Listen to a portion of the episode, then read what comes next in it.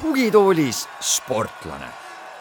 tervitus, head spordisõbrad, te kuulate Õhtulehe raadiosaadet Tugitoolis sportlane. mina olen saatejuht Mart Treial. mul on täna hea meel tervitada siin enda vastas erakordselt tituleeritud ja lugupeetud meest, kick-poksi maailmameister ja tai-poksi maailmameister, kui tuua välja sellised kõige uhkemad tiitlid. tere tulemast, Kevin Renno. tervist. Kevin, ma tean, et äh, praegu sa oled treener, sul on omanimeline võitlusakadeemia juba aastast kaks tuhat kuusteist. kas ja kui palju jääb veel endal aega ise spordiga tegeleda? Praegu, kusjuures oligi jälle selline suur plaan, mis mul tegelikult on iga aasta, et ma nüüd äh, mingi hetk keskendun ainult endale, et, et paratamatult need vanad äh, soovid tulevad ikkagist tagasi, et tahaks ise ka veel minna korraks veel ringi, kasvõi mõned korrad. aga graafik on tõesti tihe, on palju korraldamist, näiteks avasime just uue saali. et selle saate jaoks kihutasin sealt siia ja kohe peale saadet lähen jälle tagasi, et iga päev on tööd ja tegemist. et no oktoobris ja eelmisel oktoobril siis avaldasid ka, et tahaksid sinna ringi veel tulla, noh, nagu praegu ütlesid, aga treenerit ei ole. on selles osas mingeid arenguid või kui kaugel praegu see sinu nii-öelda ringi naasmine on? ma käin äh,, iga aasta käin Tais, et minu eesmärk on tuua Taist jälle treener, et äh, minu kõige paremad aastad olidki siis, kui ma tõin Taist äh, treeneri Mosa Tšatšavani, kes on tänaseks siiamaani Eestis, on Eesti naise endale võtnud ja elab siin õnnelikku elu et see oli nii-öelda minu kõige parem aeg, kus mul oli personaalne treener, tõeline ekspert, kellele ma vaatasin alt üles, kes andis tõesti head nõu ka ringinurgas ja, ja ja see hetk, kui tema siis, kui meie teed lahku läksid, siis ongi väga raske minna tagasi sinna nullpunkti, et sa nüüd jälle treenid üksinda, otsid endale treeningpartnereid ja treenereid siit-sealt, et kedagi kindlat ei ole. et see oli ka üks põhjusi, miks siis äh, selline paus sinna sportlaskarjääri sisse tuli Et... aga, aga no ma olen aktiivselt suhtluses äh, aastaringselt erinevate tai treeneritega. eesmärk on jälle siis tuua üks omale spetsialist taist jälle kohale. et ikkagi ütleme, see tase, kuhu sa pürgid, noh, ütleme, kui sa, kui sa ringi juba tuled, eks ju, need tiitlid on, on olemas ja selline noh, latti ei tahaks, eks ju, alla lasta, et, et iseseisvalt sa nii-öelda hakkama ei saa, et on, on vaja kindlasti sellist spetsialisti kõrvale. ja no ütleme, minu eriala või, või enda tugevamaks küljeks ma pean just klassikalist taiboksi. see on väga erinev sellest, mida tegelikult kõik näevad praegu äh, siin Eesti tuntud võistlustel, number one, duell, king of kings, see kõik on kick-poks ka üks. see on midagi muud. Taiboksi kestvus on kick-poksist erinevalt viis raundi, kick-poks on kolm raundi ja taiboksis on lubatud löögid veel küünarnukkidega ja pluss on siis püstimaadlus ehk clinch. ja see, kui sul on äh, kui sul on äh, juba kolme raundi asemel viis raundi, see muudab esiteks võistluste tempot ja, ja taiboksi reeglid muudavad ka võistluste kulgu.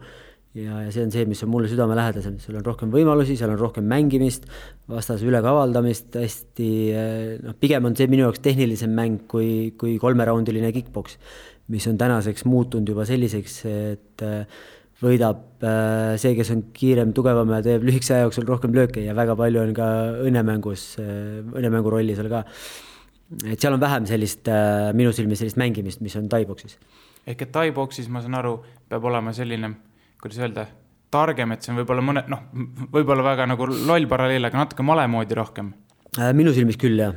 Et ma ei taha siin kick-poksijatelt midagi ära võtta, nendel on kindlasti oma nägemus asjast, aga, aga minu silmis on see nii ja, ja taiboksi teeb just äh, iseäralikuks ja eriliseks äh, tai klinš ja küünarnukid et see on see, mida Eestis tegelikult äh, keegi väga ei, ei valda, eriti treenerid, et mul ei olegi kellegi juures äh, nagu ennast treenida, kui ma pean ise treenerit siis juhendama, et näed, tee nüüd seda, tee nüüd seda. Sellises momendis, clinch'i momendis tegelikult tuleks vastasele teha seda ja nii edasi, tegelikult sul peab olema treener kõrval, kes sul seda kõike teeb ja selleks minu jaoks ongi, oligi Mosa Tšetšavan ja, ja nüüd loodetavasti ma leian lähiaastal veel uue kellegi aga kui sa ütlesid, et ta elab Eestis siin õnnelikku elu, miks tema enam ei saa treenida sind? meil esiteks äh, graafikud ei kattu, ta kindlasti leiaks aega äh,. aga rohkem ongi asi minu aja leidmises, et praegu me siiamaani ehitame oma uut saali siin maikuu jooksul tahaks teha piduliku avamise ja, ja siis, siis ehk on seda aega, aga temal samuti, tema kesklinnas üürib saali, tema teeb hommikul oma saalis trenni, õhtul oma saalis trenni, mina teen samu asju, teen oma saalis ja siis katsu seda aega leida. mis sinna ringi tagasi tõmbab?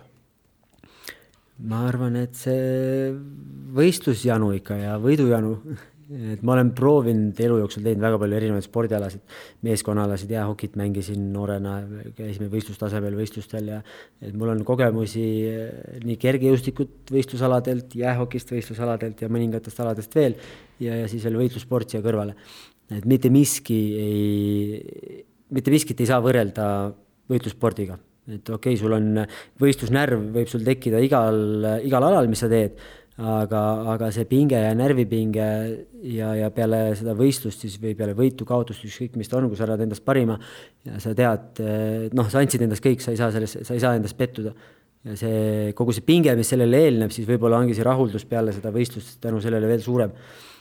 Kuna sa olidki, noh, tõesti see ettevalmistus on raske ja, ja mis siin tõdeda, et poks kick-poks, tai-poks, üldse võitlussport on ju niisugune ala, mida sa ei saa mängida. et ütled küll, et lähme mängime jäähokit, lähme mängime jalgpalli, aga sa ei saa öelda, et lähme mängime boksi. see on ikkagi konkreetne võistlus, konkreetne võitlus isegi võib öelda kahe mehe või kahe naise vahel. ja, ja paratamatult sind lüüakse vastu, et see ei ole nii mugavustsoon, et sa nüüd väsid ära, et, et siis ma nüüd saan puhata meeskonnaalal või kuskil sa ikkagi saad valida oma tempot või valida puhkuse momente, aga aga võitlusspordis ega seda momenti sul ei tule, et kui sa kas või liiga aeglaselt pilgutad, siis võib matš sinu jaoks läbi olla. sa pead olema kogu aeg kohal, terve ja valvel. ja hirmul ilmselt ringis mingit kohta ei ole? jaa, enne, enne matši on kindlasti noh, hirm, aga sa õpid selle hirmuga toime tulema. et lugedes Tysoni raamatut, Mike Tysoni treener Castomato ütles väga Äh, täpse lause, võrdles hirmu tulega, et, et äh, hirm on nagu tuli, et kui sa seda ei kontrolli, see läheb sul kontrolli alt välja, siis ta hävitab su, võib põlema panna su maja, su enda, mis iganes. aga kui sa hirmu või tähendab tuld kontrollid, siis ta on äh, sinu nii-öelda üks suurim sõber, ta aitab sind kaasa pigem selles hirmuga täpselt samamoodi, ma arvan, et hirm toob inimeses välja äh, natukene võimsamad võimed isegi, ehk siis vastupidavuse poole pealt, jõu poole pealt ja kui sa seda hirmu kontrollid, rahustad ta maha ja kasutad teda ära teisel viisil, siis ta on kindlasti plussiks sulle. teeb su teravamaks võistlushetkeks.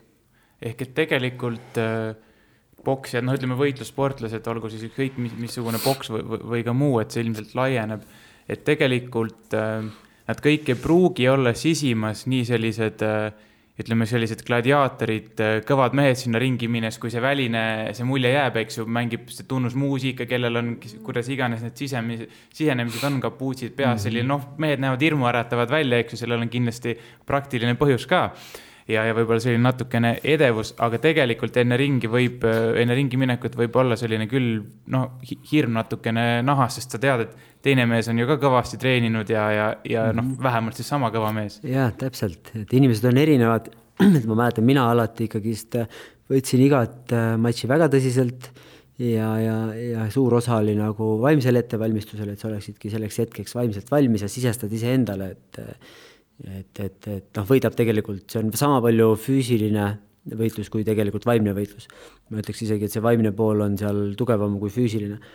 eks noh, mõlemad sportlased võivad ennast ju treenida täitsa ribadeks, ehk siis füüsiline pool on üsna sarnane inimestele, aga see, mis siis ühte, eri, eristab ühte teisest, ongi sinu vaimu tugevus siis. kui sa endale pidevalt kogu aeg korrutad, et et ma jaksan veel, ma olen tast parem, ma olen tast parem, ma ei anna alla, et siis üks, varem või hiljem üks kahest annab alla. ja kui sina oled see, kes ei anna, siis see annabki sulle tohutu eelise ja sa võidad, selline see mäng on.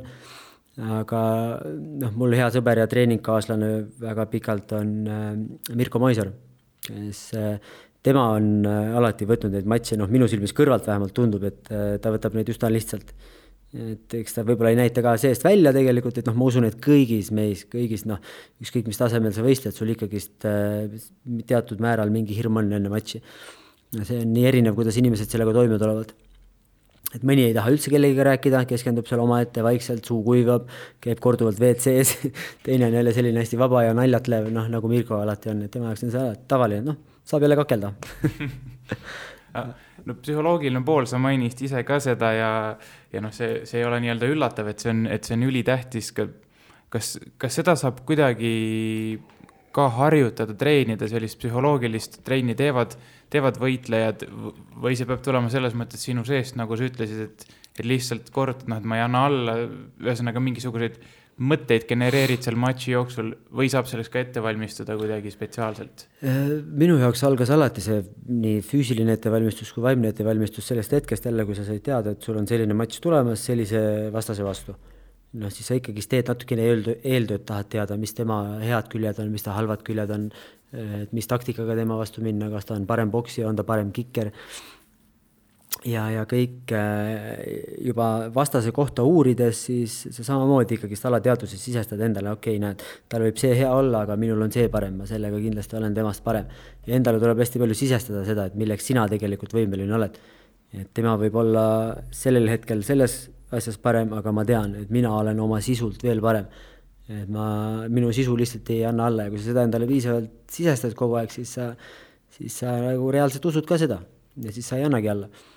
no planeerimisest rääkides, et Mike Tyson on öelnud ka, et ütleme, et kõigil, kõigil on plaan kuni selle hetkeni, kui nad saavad vastu hambaid. kui rusikaga näkku saavad, jah ja et see, see tundub nagu selline võitlussportlaste kontekstis nagu eriti noh, väga hästi argipäeva iseloomustav täpselt jah, sa alati pead äh, alati pead leidma plusse iseendas, et äh, tuleb keskenduda rohkem iseendale, mitte vastasele. on hea alati teada, mis on tema head ja halvad küljed loomulikult, aga kui sa jääd liialt mõtlema sellele, et okei okay,, ta tegi nüüd selle tugeva vastasega, sellega ta neid võitis, pagan, et ta peab ikka väga kõva olema. sa kunagi ei tea, nendel tugevatel vastastel võis sellel päeval olla väga halb päev, ta ei ole sinuga veel võistelnud, sina võid olla veel parem nendest tugevatest vastastest. tuleb endale tõlgendada minu silmis neid asju nii, et et sul endal nagu endasse usk, eneseusk kasvaks kogu aeg, kui sa mõtled oma vastaste peale või tuleva matši peale. et sa ei mõtle negatiivseid mõtteid, positiivseid mõtteid, sa ei mõtle nõrku mõtteid, ainult tugevaid mõtteid, et äh, ma suudan, ma jaksan, ma jaksan kauem kui tema, mina, tema annab enne mind alla ja kõik, kõik see sisestab sulle endale siis seda vaimutugevust juba minu silmis. no kui see Dysoni lausest veel kinni hakata, kui, kas ja kui palju saab üldse siis enne võitlust mingisugust plaani või taktikat paika panna? Äh, ikka saab, selles mõttes, kui, äh, kui sa tead, et sul tuleb vastaseks keegi, kes on väga hea poksitehnikaga ehk kätetehnikaga, siis sa ilmselgelt treenid seda, kuidas saada poksija vastu. et poksijaga sa ei lähe siis pigem poksima, vaid sa tapad tema poksitehnika jala, põlvetöö ja klintši momentidega. et sa pead leidma selle viisi, et tema ei saaks ära kasutada oma plusse, vaid sina kasutad ära oma plusse. see ongi see taktikaline mäng. kuidas siis vastasest jagu saada, kes alati on mingi võimalus aga kui keeruline on rahu säilitada sel hetkel, kui sa saad ikkagi noh, sellise korraliku löögi sisse, et kuidagi kaitse. see on jälle inimestel ära. erinev, et ma arvan, et äh, kui, kui on selline sportlane, kes äh, saab löögi sisse ja ta selle peale läheb verest välja, siis ei ole ring, no vähemalt võistlusring tema jaoks õige koht. et, et ma usun, et kõik, kes on teatud tasemel pigem tunnevad nii, et kui nad saavad kellegi võõra rusikaga vastu nägu või siis jalaga, millega iganes, et see pigem ajab sind vihale. aga vihale sa ei tohi minna, sa ei tohi nagu enesevalitsust kaotada, aga minule alati andis see nagu tahet veel juurde, kui vastane sai mulle pihta, siis ma tahtsin talle kohe kaks-kolm korda vastu saada, et äh, see ei tulnud mul kõne allagi, et ma, et ma tahaks saada kellegi teiste löökidega pihta. millal viimane matš oli sul üldse? Niisugune heal tasemel matš minu silmis oli kaks tuhat kolmteist, see oli üks äh, Šveitsis, kus ma käisin see aeg hästi tihti, paar korda aastas võistlustel kogu aeg oli jälle ühe organisatsiooni kick-poksi maailmameistritiitli peale matš. ja, ja see matš, tiitlimatšid on alati viieraundised, kick-poksis ka. see oli tavapärasest raskemas kehakaalus, kui ma olin harjunud tegema. ja, ja matš oli väga raske, viis raundi aga kohtunik või kohalik staar oli siis minu vastane ja, ja ma küll suutsin talle teha ühe eight count'i ehk siis vastane käis põrandal, kohtunik oleks pidanud lugema, aga ta tõusis kiiresti püsti. ja kui kohtunik oleks talle lugema hakanud, see oleks teinud äh, selle raundi punkti seisuks kümme-kaheksa ehk andnud mulle suure eelise. ehk see kohalik kohtunik tahtis kohalikku poissi hoida, ta ei, ei hakanud talle sekundeid lugema, ehk siis see, ta ei andnud mulle seda eelist. ja kui viis raundi sai läbi, siis oli seal äh, tohutult kaua läks aega, kõik korraldajad ja kohtunikud jooksid ümber poksiringi ja ma sain aru kohe, et midagi on, midagi on jamasti, et nad siin ei taha mulle võitu anda, kuigi ma ise tundsin kindlasti, et ma olen selle matši võitnud. ja, ja siis nad otsustasid, et teevad kuuenda ekstra raundi, mida tegelikult ei ole olemas mitte ühelgi organisatsioonil, mitte ühegi reeglitega. ekstra raunde tehakse ainult kolmeraundise matši puhul kick-poksis. ja siis nad seal kohapeal mõtlesid välja, et okei okay,, teeme siis selle kuuenda raundi. kuidas see siis läbi läks? korraldaja otsustab, korraldaja on seal kuningas ja, ja nii on seal ei olnud ühtegi nagu teist äh, suuremat nii-öelda katuseorganisatsiooni, kas Rahvusvaheline Olümpiakomitee või kohalik olümpiakomitee või kes iganes siis selle otsustaks.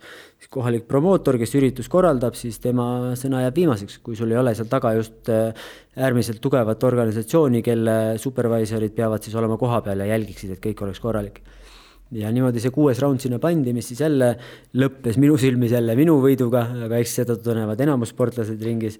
Ja, ja kordus jälle samasugune jama, et kuni lõpuks siis kuulutati vastane võitjaks.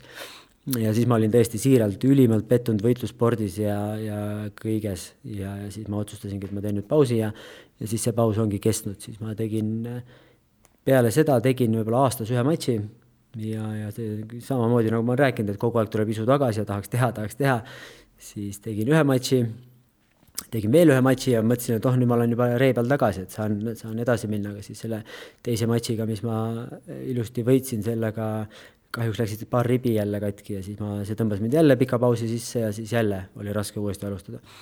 ja niimoodi ta ongi näinud.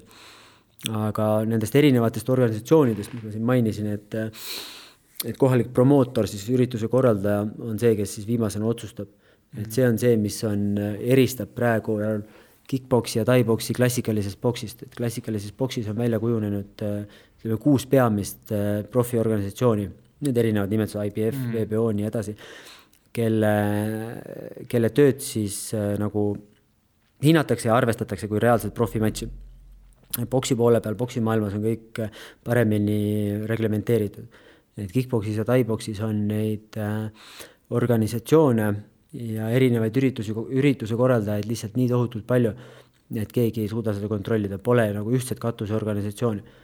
on nii amatöörides kui profides on, on sadu erinevaid organisatsioone.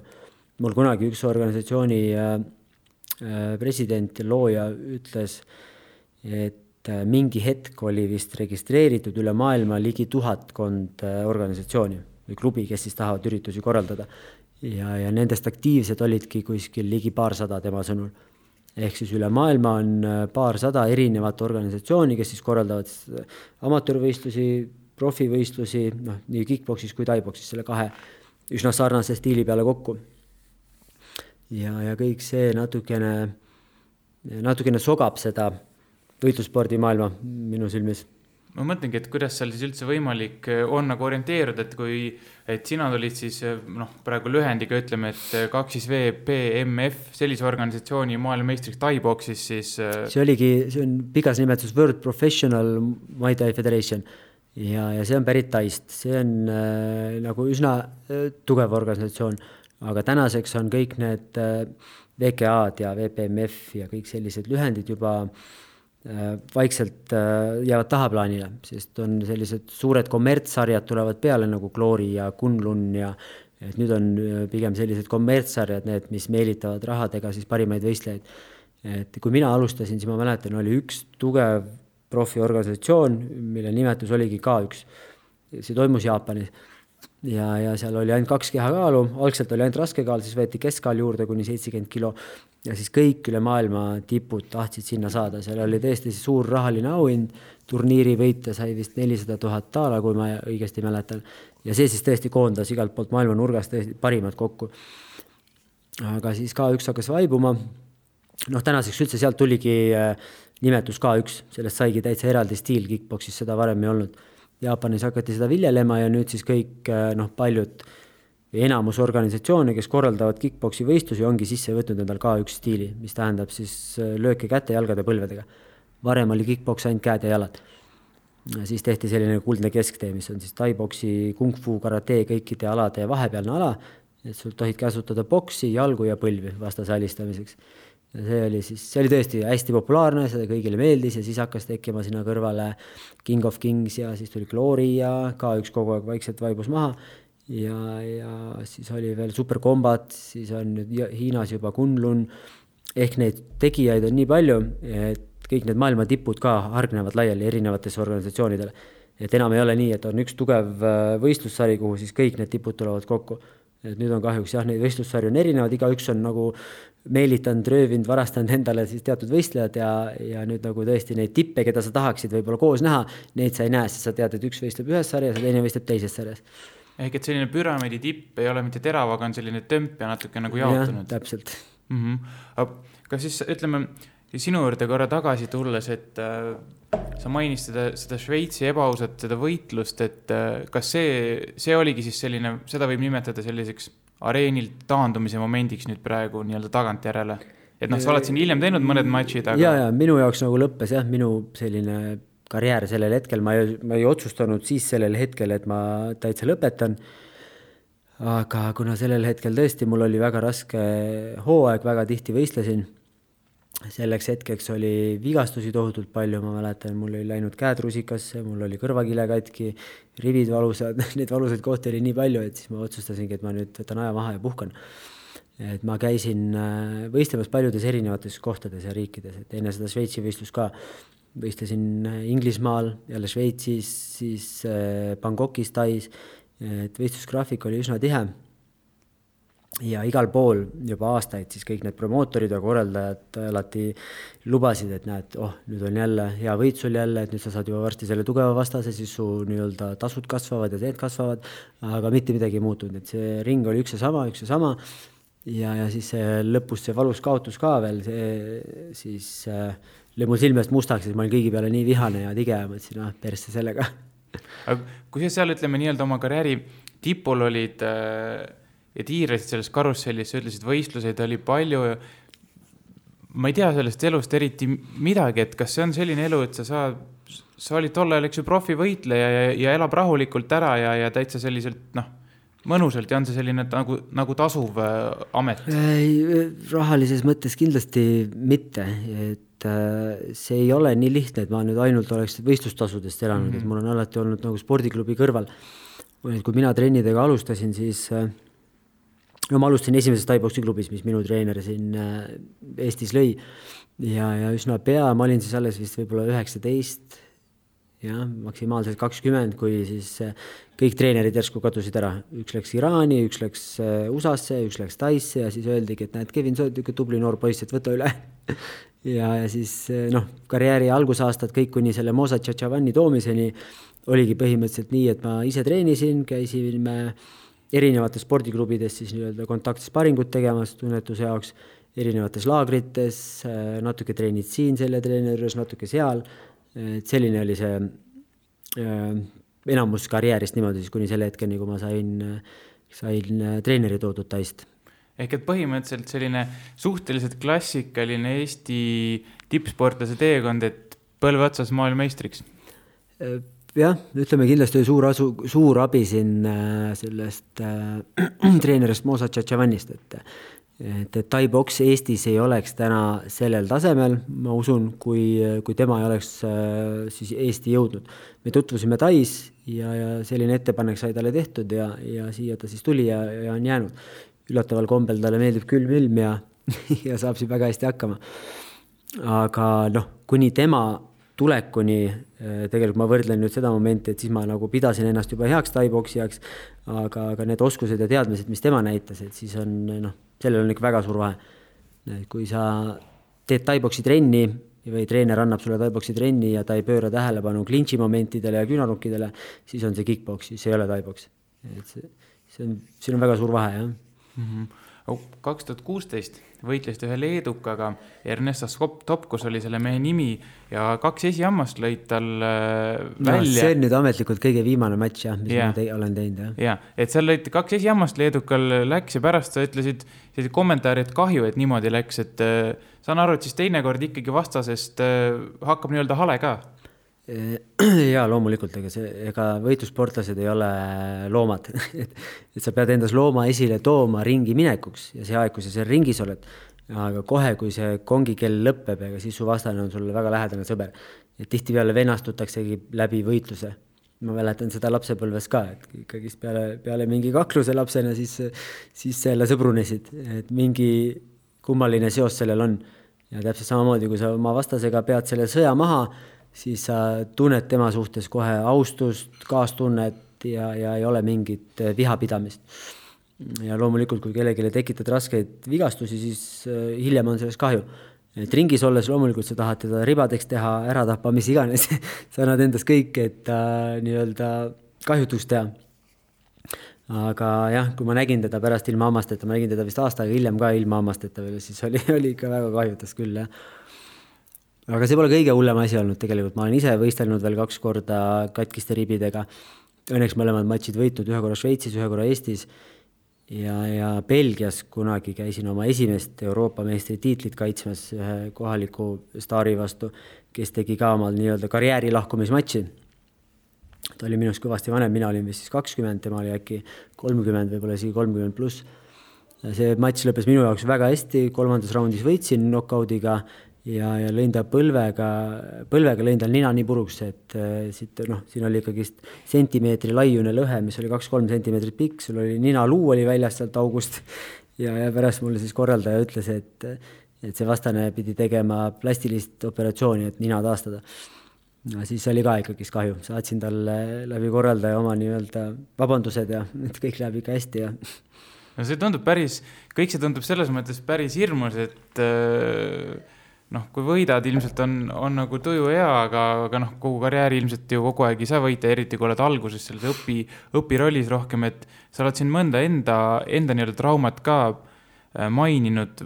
Kas sul endal ka midagi sellist siis väga hullu juhtunud või näiteks murtud roie võibki nimetada kõige hullemaks? vähemalt kõlab päris halvasti. murtud roided on läinud paar korda ja noh, ninaluu on trennis läinud. see on vist tavaline, tavalisem selline. igal poksijal võib-olla jah aga nina väänati ilusti sirgeks tagasi, mingeid jälge sellest ei ole. ja käeluu operatsioon on võib-olla kõige tõsisem võistlus. Mitte võistlus, vaid, vaid vigastus, mis, mis siis tekkis ühe matši esimeses raundis, ma mäletan seda väga hästi ja see oli ka selline tobe juhus, et korraldaja poolt olid valed kindad ehk siis liiga, seest liiga kitsad et muidu profivõistluste puhul ehitatakse marliteibi ja, marliga ja teibiga siis nukikaitsed endale, et sul mitte ainult nuki, vaid randme ja, ja liigeste oma ka. ja, ja see ei mahtunud mul kahjuks kindasse. Siis viimasel hetkel enne matši me pidime kõik need lahti lõikama, pidin panema tavalised treeningsidemed, mis ei ole nii toestavad ja, ja kaitsvad, eriti kui sa kasutad väikest kinnast, suure kindaga ta võib olla okei okay ja, ja siis lõingi vastasele täpselt otsa ette, mis on siis teada-tuntud äh, nagu kivisein, kui sa lööd mhm. otsaesist ja, ja sinna see käsi läkski. aga kui pärast sellist mingit tõsisemat äh, traumat, jätab see mingisuguse jälje ka, et järgmine kord, kui lähed kuidagi alateadlikult ennast hoidma või, või on näiteks järgmist matši keerulisem teha tea, vaimse poole pealt? ma ei ütleks isegi, ma usun, et kaotused on väga tänuväärt asjad, eriti meie ala puhul et ühest kaotusest sa õpid kindlasti korduvalt rohkem kui kümnest lihtsast võidust ja kümnest lihtsast valitud vastasest. et, et kaotused on need, mis teevad minu silmis nagu meistrist tõelise meistri. et igaüks võib nagu lihtsate valitud vastastega võistelda, kui sul on vahepeal ka ikkagi tõsiselt rasked katsumused ja, ja kas sind lüüakse siis pikali, saad raske vigastuse, raske kaotuse, mis iganes, ja sa tõused tagasi püsti ja, ja jätkad oma treeningutega, siis äh, sportlane, inimene tuleb alati tugevamana tagasi.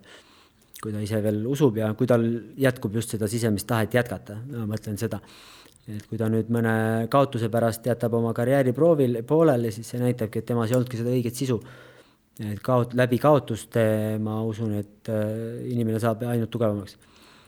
kõrvalt mulle tundub, nii palju kui ma tean, üks, üks hullemaid või isegi võib-olla kõige hullem, kõige raskem selline äh, pool selle, selle ala juures või ütleme, võitlusspordi juures siis äh, nii-öelda laiemalt, see ei puuduta ainult näiteks tai-boksi, et on see kaalu langetamine enne matši, enne võistlust.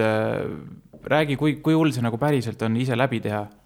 see on palju hullem, kui sa arvad see on tõesti raske, see on ainuke asi, mida ma ei, ei igatse selle võistluste puhul. aga paratamatult kõik seda teevad ja, ja just toon võrdluseks selle Šveitsi matši, millest me siin rääkisime ennem, kus, kus ma siis kaotasin ja võistlesin siis endast tavapärasest raskemas kaalus. ehk kaaluks oli seitsekümmend kuus koma kaks kilo minu tavakaal oli kuskil seitsekümmend kaheksa, seitsekümmend üheksa. Ja selle seitsmekümne kaheksa, seitsmekümne üheksa kiloga ma tavaliselt võistlesin kuni seitsekümmend kaks koma kuus kilo.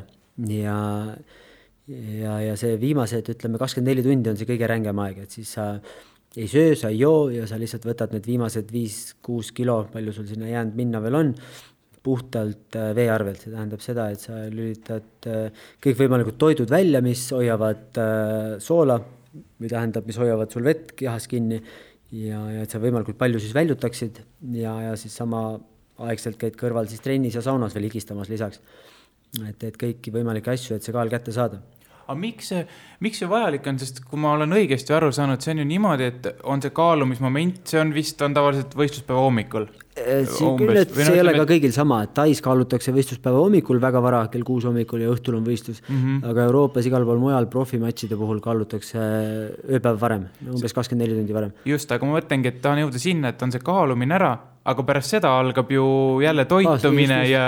siis on kõik jälle kaalus. et mi-, see ongi see mängimine. Ju jälle raskemad, et mis selle kaalumise mõte on? see ongi see mõte, et noh, näiteks ma toongi võrdluse, et kui ma võistlesin seitsekümmend kaks, kuus kilo, seitsekümmend kaks koma kuus, ma ise kaalusin ligi kaheksakümmend ja minu vastased olid samasugused. et nad kõik mängisidki selle viimase piiri peal ja kui ma võistlesin siis kaheksakümmend või seitsekümmend kuus koma kaks kilo, siis minu vastane oli must peaaegu pikem ja tegelikult tema tavaline kaal võistluspäevaks oli juba ligi kaheksakümmend viis kilo ehk võistluspäevaks on minu vastane minust ikkagist raskem. see on see osa, miks kõik sellega mängivad, et tahavad ikkagist kergemas kaalus võistelda. siis kõik teevad seda mängu kaasa ja kui mina võtsin oma seitsmekümne üheksa kilo pealt, tõmbasin selle seitsmekümne kuue peale, siis mu vastane tuli kuskilt kaheksakümne viie pealt, tõmbas ennast sinna alla. aga võistluspäevaks me mõlemad saime oma tavalise kaalu tagasi. ja meie kaaluvahe, kui seal on juba viis kilo vahet, see on väga suur vahe ehk et see on mõnes mõttes selline läbi enesepiinamise, noh, nagu sa kirjeldasid, väga halb protsess, ei tahakski seda proovida, et äh, läbi enesepiinamise mõnes mõttes selline pettus. et sa võistled ikkagi ju kergemas kaalus, aga lõppkokkuvõttes seda, seda üritatakse praegu äh, kuidagi ära reglementeerida, et see ei, ei toimuks nii, et ütleme, meie maailma katusorganisatsioon Taiboxis, IFMA kes kuulub siis äh, Rahvusvahelise Olümpiakomiteesse, kes on siis äh, tõesti taiboksi eestvedaja ja, ja A ja O, see kõige tugevam organisatsioon. et nemad on oma äh, reeglistiku toonudki sisse selle nõude juba, et kuu aega enne võistlusi peavad kõik sportlased ennast kaaluma, need kirja panema ja, ja neile edastama, näitama, mis on nende tavalised kaalud olnud, et just vältida ja pärssida seda suurt kaalulangut, langetust et kuna ei ole salata, et siin on ma usun, et päris mitu inimest äh, võib aasta jooksul minna selle nahka, et ta tõesti, ta ei taastu ära ja ta surebki ära sellest suurest kaalukaotusest. ma viimasel ajal ei ole kuulnud, aga muidu ikkagist korra aastas vähemalt kuuled, et ma mäletan, paar aastat tagasi olin Tais treeninglaagris oma õpilastega ja, ja siis äh, oli seal üks noor äh, Šoti poiss, kes samamoodi võttis võistlusteks kaalu, jooksis oma higistamisstressiga, mis üldse ei anna sulle hingamist läbi ja jooksis sellega seal tai kuuma päikese all ja süda ütles üles lihtsalt, kahekümne ühe aastane poiss. Ja, ja selle kõige pärast siis tahetaksegi äh, kuidagi reeglistik paika panna, et äh, no sellepärast Tais kaalutakse ka hommikul, et õhtul on matš, siis nad teavad, et nad ei taastu ära, nad ei saa nii palju kaalu langetada, et neil ei ole piisavalt pikk aeg taastumiseks. siis mängitakse seal juba väiksemate nagu kaalukilodega võib-olla kolme jagu. aga minu teada isegi veel rohkem kilodega mängivad eh, MMA võistlejad ja, ja võib-olla ka maadlejad. No kes võtavad on... ka kuni ligi kümme kilo alla.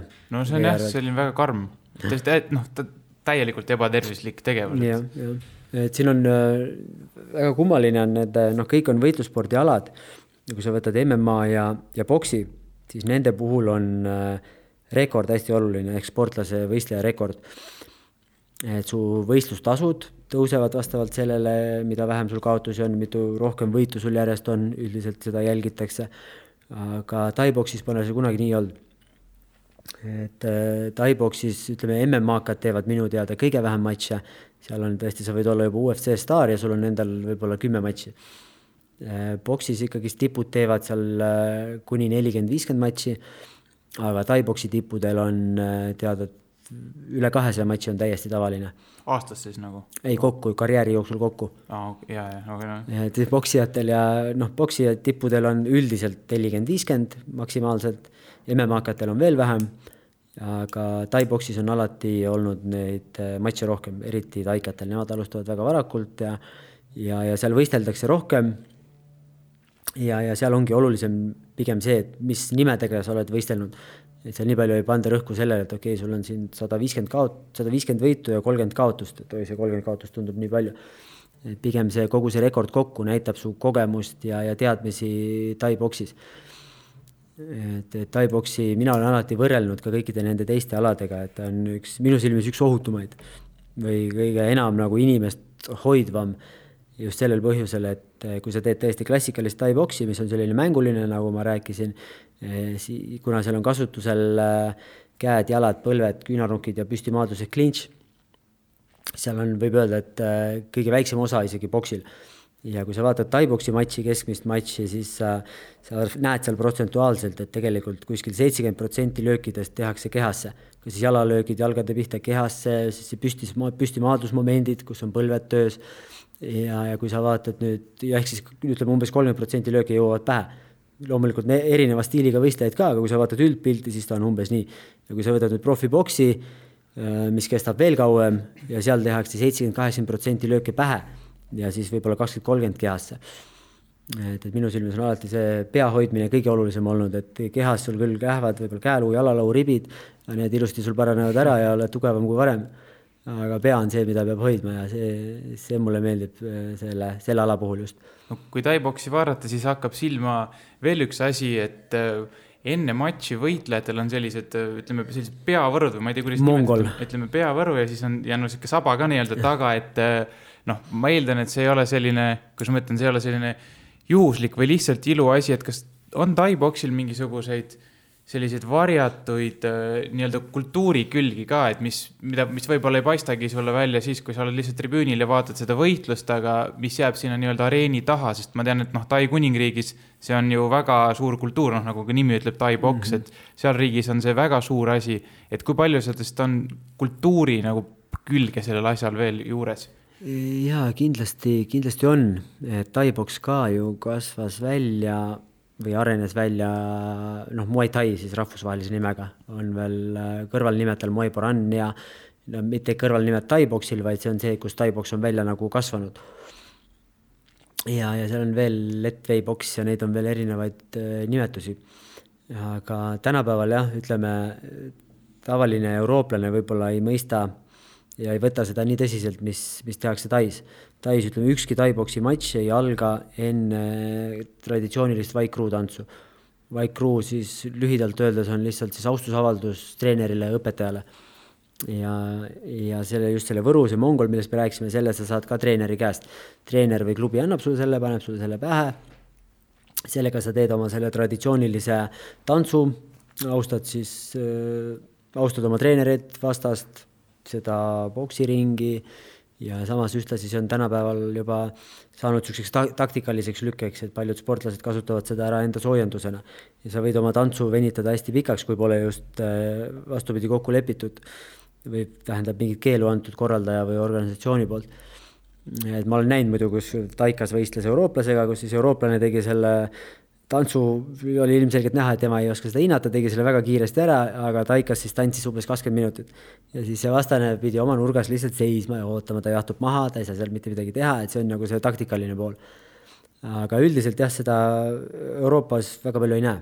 on sellised puhtad taiboksi organisatsioonid, kes, kes korraldavad võistlusi tõesti nii, et nad nõuavad ka seda. aga Tais sa muud moodi ei saa võistelda, seal on see ikkagist täielikult sees, et Vai Crew on osa Tai-boksist ja, ja seda tuleb teha enne matši alati. no kuidas meil siin Eestis on, sa oled palju Tais käinud, seal teadmisi ammutanud, sina propageerid seda, seda nii-öelda tantsulist ja seda poolt ka või, või Eestis ja, läheb ja. samamoodi kiiresti üle? meil, kui sa praegu vaatad, noh, mida mina korraldan, on meil Eesti Muay Thai liiga, see on siis Eesti Tai-boksi liiga, me teeme seda neli-viis korda aastas. et äh, seal osaleb üldse Tai-boksi võistlustes kõige rohkem klubisid üle Eesti et kõik, igast väiksest linnast tuleb ka sinna sportlased kokku ja, ja seal on ka see nõudmine mul sees, et nad teevad vähemalt äh, austusavaldusringi ära. ja, ja edasi nagu neid keerulisi samme keegi tegema ei pea, see on amatöörvõistlustel ka, on tavaliselt ajaline piirang pandud ette, kuna võistlus ühe päeva jooksul on mitukümmend. Ja kui igalühel oleks, oleks seal vaba voli tantsida nii mitu minutit, kui ta tahab, siis me ei jõuaks mitte kuskile et seal on kindlasti pandud reegel paika, et tuleb teha võimalikult lühikeselt. aga mina ja hindan neid äh, tai-boksi äh, traditsioone ja, ja kindlasti nõuan neid enda korraldatud võistlustele. milline üldse on Eestis tai-boksi kultuur praegu ja selline tase sportlik tase? võib öelda isegi, et üllatavalt hea või, või rahuldav. et kui ma võrdlen siin kick-poksi koondisega või poksikoondisega, kes on meist nagu vanemad, siis kindlasti on tai-poksijatel rohkem näidata tulemusi kui teistel et äh, no mida ma võrdlen, et ma ei võrdle kõiki neid erinevaid kümneid organisatsioone, kes jagavad igaüks oma tiitlit, vaid mina oma sportlastega käingi IFMA võistlustel, mis ongi Tai-boksi nii-öelda meie katusorganisatsioon, mis kuulub ROK-i rahvusvahelisse olümpiakomiteesse. ja kõik teised on siis teisejärgulised, et me käime seal võistlustel, minu üks parimaid õpilasi, Andre Aho, tuli seal maailmakarikal hõbedale esimene kord, kui me käisime oli neliteist naist vist tema kaalukategoorias isegi. ja, ja nüüd ta siis tuli värskelt äh, üliõpilaste maailmameistriks. ja Karl-Jonathan Kvell tuli ka meil maailmameistrivõistlustel hõbedale. Ja, ja siin on veel paar nime teisest klubist, kes on juuniorid ja lapsed olnud, kes on ka käinud siis nendel MM-idel, selle just selle meie katusorganisatsiooni MM-idel ja, ja saavutanud seal medalikohti. no Uku Jürjental näiteks kunagi samamoodi selles samas IFMA tai-boksi võistlustel, küll B-klassis, aga siiski väga hea tulemus.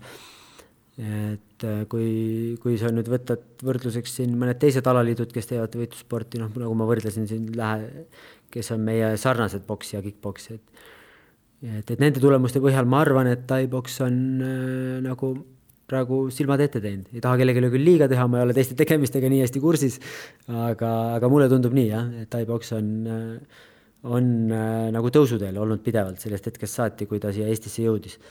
no sa mõned nimed äh, ütlesid, kas, kas on neile veel näiteks lisada mõni, et kellel, kellel tasuks praegu nii-öelda lähitulevikuski eriliselt silma peal hoida, et kes on mm. juba heal tasemel ja kellest, kellest võiks nagu tulla midagi sellist? mulle kindlasti meeldib jälgida võib-olla kõige rohkem seda sarnast kaalu, kus ma ise võistlesin, noh praegu kuni seitsekümmend seitse kilo on väga palju andekaid kutte, on Hendrik Teemas, noh, Hendrik on äh, nendest kõige vanem, Hendrik on terve elu kergejõustikut teinud. kunagi isegi lapsena käisime koos ühes trennis, kergejõustikutrennis. aga noh, tema miinus on see, et ta on varsti juba meil kolmkümmend. Aga tema rivaal äh, Maicel Astur on keegi, kes mulle väga meeldib, aga tema on noor ka, et ehk siis äh, tema karjääri saab veel jälgida siin ligi kümme aastat. ja, ja ta on, äh, no näed tunned ära kohe, kes on sportlikult andekas, kas tal on siis see vaimne pool paigas, kas ta on, kas ta, kas temas on see sisu olemas, mida võitlussportlases on vaja. ja, ja on veel Roman Sõõbin, tema küll väga tihti ei võistle. ja, ja on, alati tuleb noori peale, aga paljud ei jää pidama. See on see kurb asi. et, et kõik tahavad saada liiga kõike liiga lihtsalt ja liiga kiirelt, aga nad ei mõtle sellele, et see kõik võtab aega, kümmekond aastat aga kõik loodavad tippu jõuda siin mõne aastaga ja kui nad seda ei saavuta, siis nad on pettunud ja, ja läinud. no sa oled ise toonud välja ühes varasemas intervjuus või õigemini võib-olla see oli täpsemalt isegi mingisugune võistluse selline promoklipp rohkem, aga ühesõnaga selline lause, et et äh, Eestis arvatakse jube palju, et võitlussport on selline pätisport, et äh, miks sa arvad, et selline, selline mulje või nii-öelda maine on tekkinud? selleks, et ta kunagi oligi pätisport äh, seda kindlasti seda kindlasti ta kunagi oli, ma eeldan. noh, selles mõttes nii palju, kui mina siis käisin klubides ja nägin erinevaid treenereid äh, juba noh, puberteediku eas, et kindlasti oli ka sellel ajal väga väga nii-öelda häid ja professionaalseid treenereid, aga hästi palju on selliseid äh, poksiklubisid, kus ongi mõni isehakanud treener kes äh, hindab ka nii-öelda seda tänavakakluse poolt ja, ja lihtsalt agressiivsust ja seda, et tal on need äh, nii-öelda vägevad oskused olemas. no minu kodulinnas Pärnus oli see ja, mingi no. aeg populaarne üks kõige kurikuulsam klubi just, et neid on siin veel igal pool äh, olnud, aga neid jääb järjest vähemaks, seda on nagu rõõm näha, et meil on väga palju tugevaid spordiklubisid, meil on äh, hästi toimiv alaliit ja, ja kõik areneb nagu jõudsalt, et ei ole nii, et ainult üks spordiklubi või mõni üksik sportlane areneb, vaid on erinevad spordiklubid, on alaliit, on võistluste korraldajad, et kõik, kõik arenevad ühtselt. et reaalselt ilmselt on umbes midagi sellist, et õige võitleja nii-öelda tänaval oma oskusi ei demonstreeri? jaa, kindlasti, et mina usun, et äh, inimene, kes on äh, seest nagu enesekindel temal ei olegi üldse tarvidust oma oskusi siis kellegi peal kasutada. et ma usun, et enamus äh, enamus kaklused saakski sellega ära hoida, kui inimene oleks ise enesekindel ja ta usuks ise seda, et ta on jah, piisavalt vääriline, et tal ei ole vaja kedagi endast nõrgemat siis füüsiliselt karistada või maha teha, et siis enda enesehinnangut läbi selle tõsta. et see on põhiline minu, minu silmis nagu põhiline põhjus, miks, miks toimub nii palju selliseid äh, tänavakaklusi või, või kellegi alavääristamist või see on kellegi püüe enda enesekindlust tõsta või eneseväärikust oma silmis. no see nüüd ei puuduta otseselt äh, taiboksi, aga ütleme rohkem võib-olla kõige rohkem MM-ast on meile silma jäänud tegelikult miks mitte ka nagu nii-öelda klassikalisest tavalisest boksist, et selline täris, täiesti maailma tipptasemel väga palju käib kaasas selle matši ümber selline nagu trash talk või selline noh. Tõesti nagu ütleme ausalt ära, sellise iba ajamine, et see on, on ka... sul arvamus selle kohta, et mi, miks nagu see käib sinna juurde? jälle üks põhjus, miks mulle Tai-poks meeldib ja miks mulle Tais meeldib just käia võistlusi vaatamas ja, ja olen saanud ka seal võistlustel osaleda, et seal näiteks puudub täiesti selline noh, turundus ja reklaam enne võistlust, mis tehakse siin, et siin on kõik nagu kommertsüritused, Ameerikas samamoodi, see UFC on sari, mida sa silmas pidasid ja, ja ma usun, et Conor McGregor on see kõige suurem mölalõug, kes on viimastel aastatel olnud.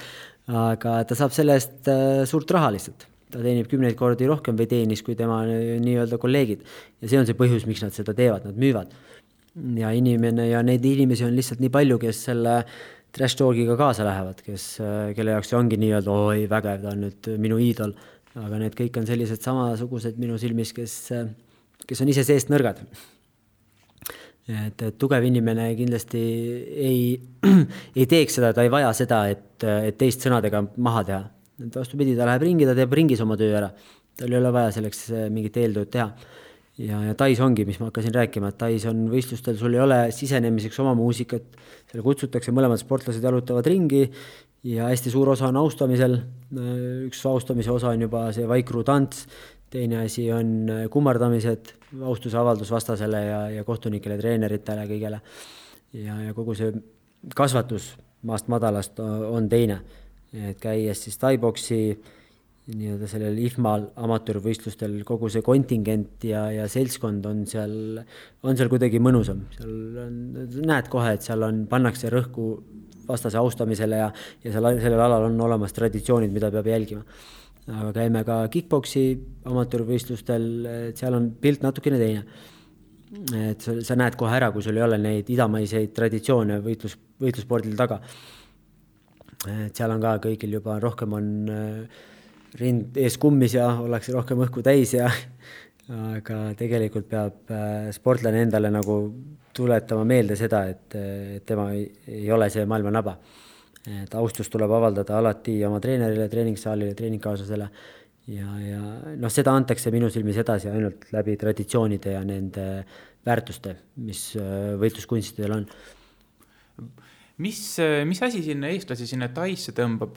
ma tean, et mul endal mitmed tuttavad, noh, väga paljud eestlased käivad Tais seal siis äh, treenimas, eks ju, ma ei tea, lühemat, pikemat aega, kes on ka sellised, noh, vähemalt nii-öelda minu andmetel need tuttavad, nad ei ole ka sellised isegi, ma ütleks, nagu mingisugusel tipptasemel võitlejad, vaid sellised, noh, võib-olla nagu harrastajad isegi rohkem, miks mitte, lihtsalt tublid spordimehed või, või tüdrukud, naised. et jah, mis, mis sinna Taisse tõmbab nii palju, et seal suht massiliselt ikka käiakse, ma mõtlen tai-poksijad siis. ja eks seal enamus, ma arvan, käivad pigem äh, puhkamas, mitte karjääri endale loomas et see on selline mõnus aktiivne puhkus iseenesest ja, ja seal iga spordiklubi võtab kõik soovijad avasüli vastu. vahet ei ole, oled sa esimest korda trennis või oled sa juba profisportlane, igaüks saab seal trenni teha tegelikult. selles ei ole mingit saladust. Eesti, Eestiga võrreldes on seal trennid ikkagist tohutult kallid, et kui Eestis on sul kuumaks on, ma ei tea, Tallinnas viiskümmend, kuuskümmend eurot, siis seal on kuumakse kuskil kakssada viiskümmend eurot.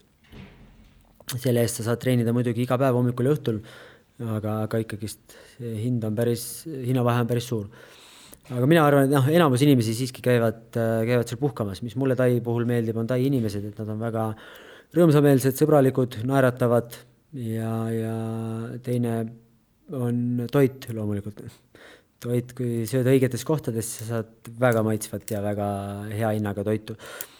et see on üks põhjus ka, miks ma arvan, et eestlased puhkavad Tais, et seal seal on hinnad taskukohasemad, kui sa näiteks lähed mõnda tuntud Euroopa riiki puhkama, päikest võtma või, või Ameerikasse või Austraaliasse või kuskile veel kaugemale, et need hinnad on kindlasti kordades kallimad.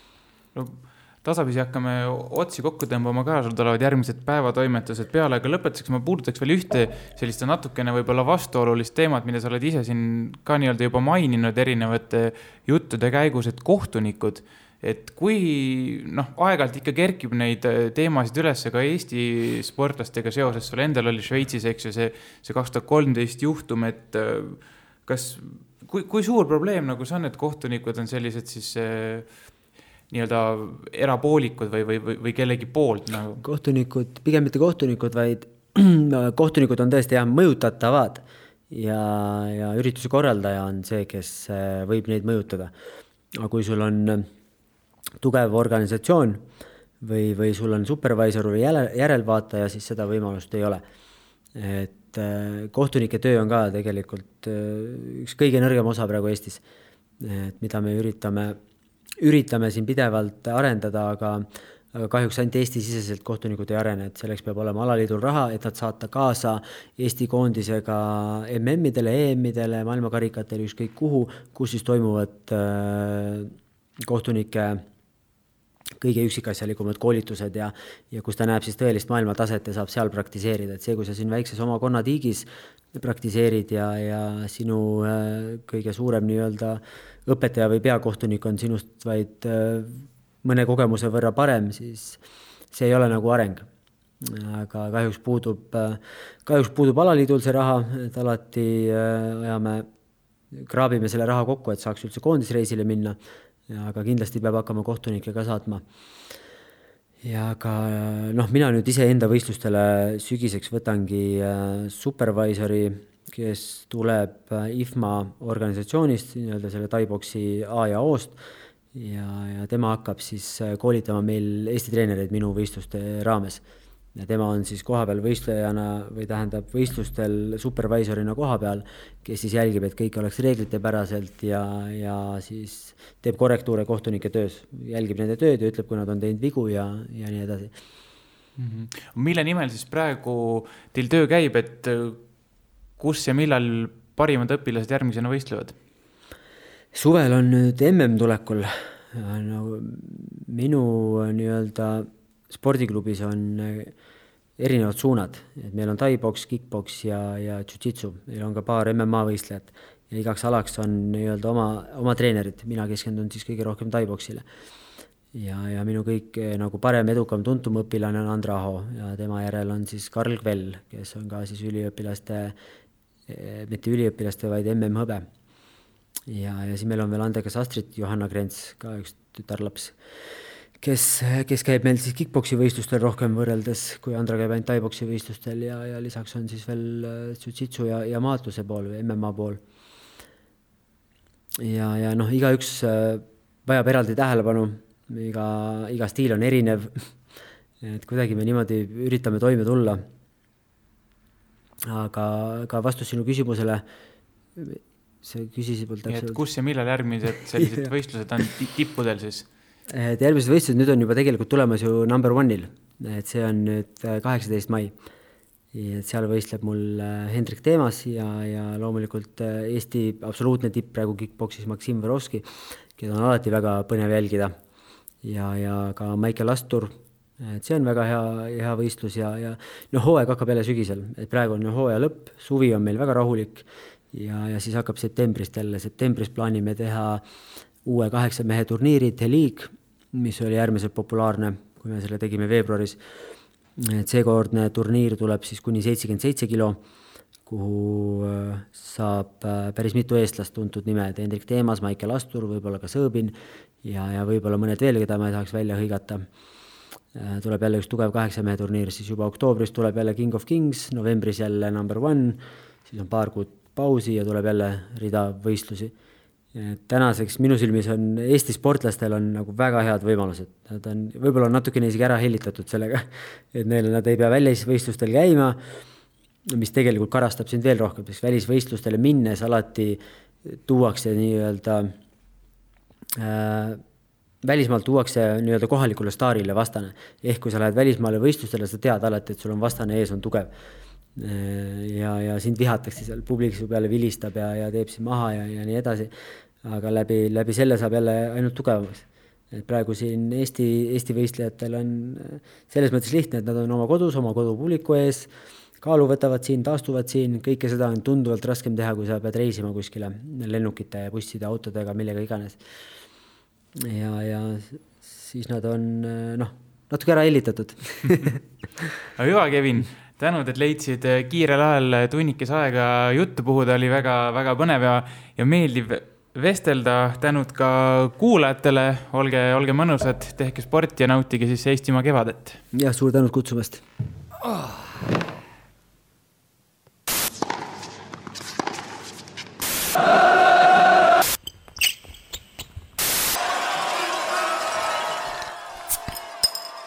tugitoolis sportlane